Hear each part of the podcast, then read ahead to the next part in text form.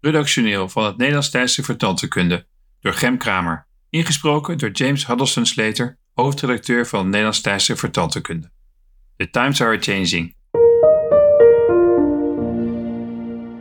Een anderhalf jaar geleden werd mij door een collega gevraagd of ik wel eens een autotransplantatie indiceerde. Ik was verbaasd, omdat ik dat zeker doe, terwijl de collega suggereerde dat wij, orthodontisten, dat weinig deden. In ons databestand vond ik zonder problemen ruim 350 transplantaties.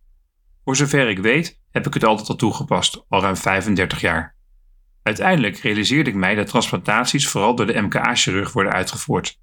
Nu sinds de jaren 2000 ook andere disciplines zoals de paradontologie, samen met de endodontologie, esthetische tandheelkunde en orthodontie zich multidisciplinair met transplantaties bezighouden, neemt de interesse hierin toe.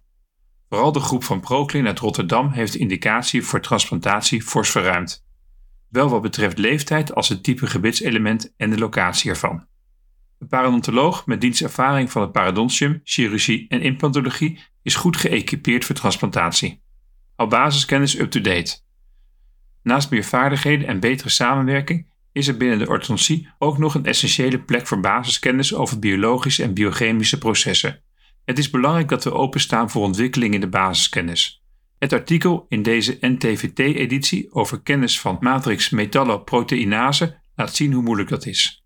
Als ik zo'n artikel te berde breng bij collega's, wordt er vaak afwijzend op gereageerd. Het is taai om te lezen en staat te ver van de klinische situatie af. Dat is jammer. Gebrek aan kennis kan tot ongewenste en soms zelfs gevaarlijke situaties leiden. Om toch interesse in zo'n artikel te bereiken, moet naast de inhoud vooral ook de vorm waarin het aangeboden wordt tegenwoordig anders zijn dan ik gewend ben. Door het onderwerp wetenschappelijk verantwoord en daardoor droog en zakelijk aan te bieden, worden weinig lezers meer getrokken. Het is tegenwoordig belangrijk dat de toepassing snel duidelijk is en dat er goede, duidelijke en vooral ook handige take-home messages bij zitten. Het is net als veel koopprogramma's. Het gerecht, bijvoorbeeld boerenkool met worst, is hetzelfde als altijd. Maar de opmaak van het bord en wat erbij nodig is om het appetijtelijk te maken verschilt. Daar zit wel het TikTok-gevaar in, wat inhoudt dat juist niet-essentiële zaken meer aandacht krijgen dan de crux van het artikel. Goede, up-to-date basiskennis naast ervaren klinische vaardigheden is vaak cruciaal om grenzen te verleggen. De huidige ontwikkeling van specialisaties binnen de tandheelkunde en daarbij een goede, vaak intensieve samenwerking is duidelijk meer dan de som der delen. Daarbij is kwaliteit en kans verslagen ook afhankelijk van de ervaring, ofwel hoe vaak iemand een behandeling uitvoert. Het is dus wel zinvol om naar aanleiding van het voorbeeld hierboven niet allemaal te gaan transplanteren, maar er weer wel voor te zorgen dat er continuïteit is voor de toekomst, bijvoorbeeld door een goede leeftijdsopbouw van de gespecialiseerde behandelaars. Tijden veranderen, nieuwe uitdagingen. In deze editie wordt aandacht besteed aan een opkomend probleem. We kunnen steeds meer, maar wat als het leven minder wordt? Een recent artikel in de media vermeldde dat het nieuwe 65 jaar het oude 55 is. Het nieuwe 75 het oude 65.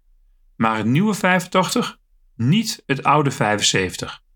We blijven dus langer gezond en fit, maar dat houdt ergens toch op. En dan? De maatschappij topt met de problemen van de veroudering.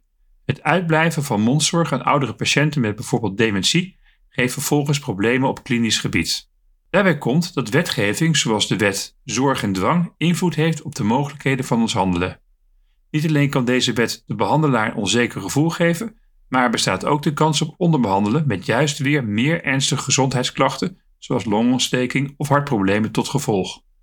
Het blijkt dat onvrijwillige mondzorg eerder doortastend door niet-professionele zorgverleners verricht wordt dan door professionele zorgverleners. Daarbij zijn er nog steeds te weinig tandartsen die zich inzetten voor de oudere mens worden we met deze wetgeving en de aanstaande vermindering van het aantal tandartsen als ouderen uiteindelijk toch nog aftans? En dan de titel van het stukje. Het is de titel van een beroemd liedje van Bob Dylan, geschreven in 1963. Het laat zich moeilijk vertalen, maar de officiële vertaling luidt: Er komen andere tijden. De songtekst is nog verbazingwekkend actueel. We gaan de tandheelkunde veel nieuwe uitdagingen aan, terwijl er ook nog veel bekende uitdagingen zijn. Zo blijft de tandheelkunde een boeiend vakgebied.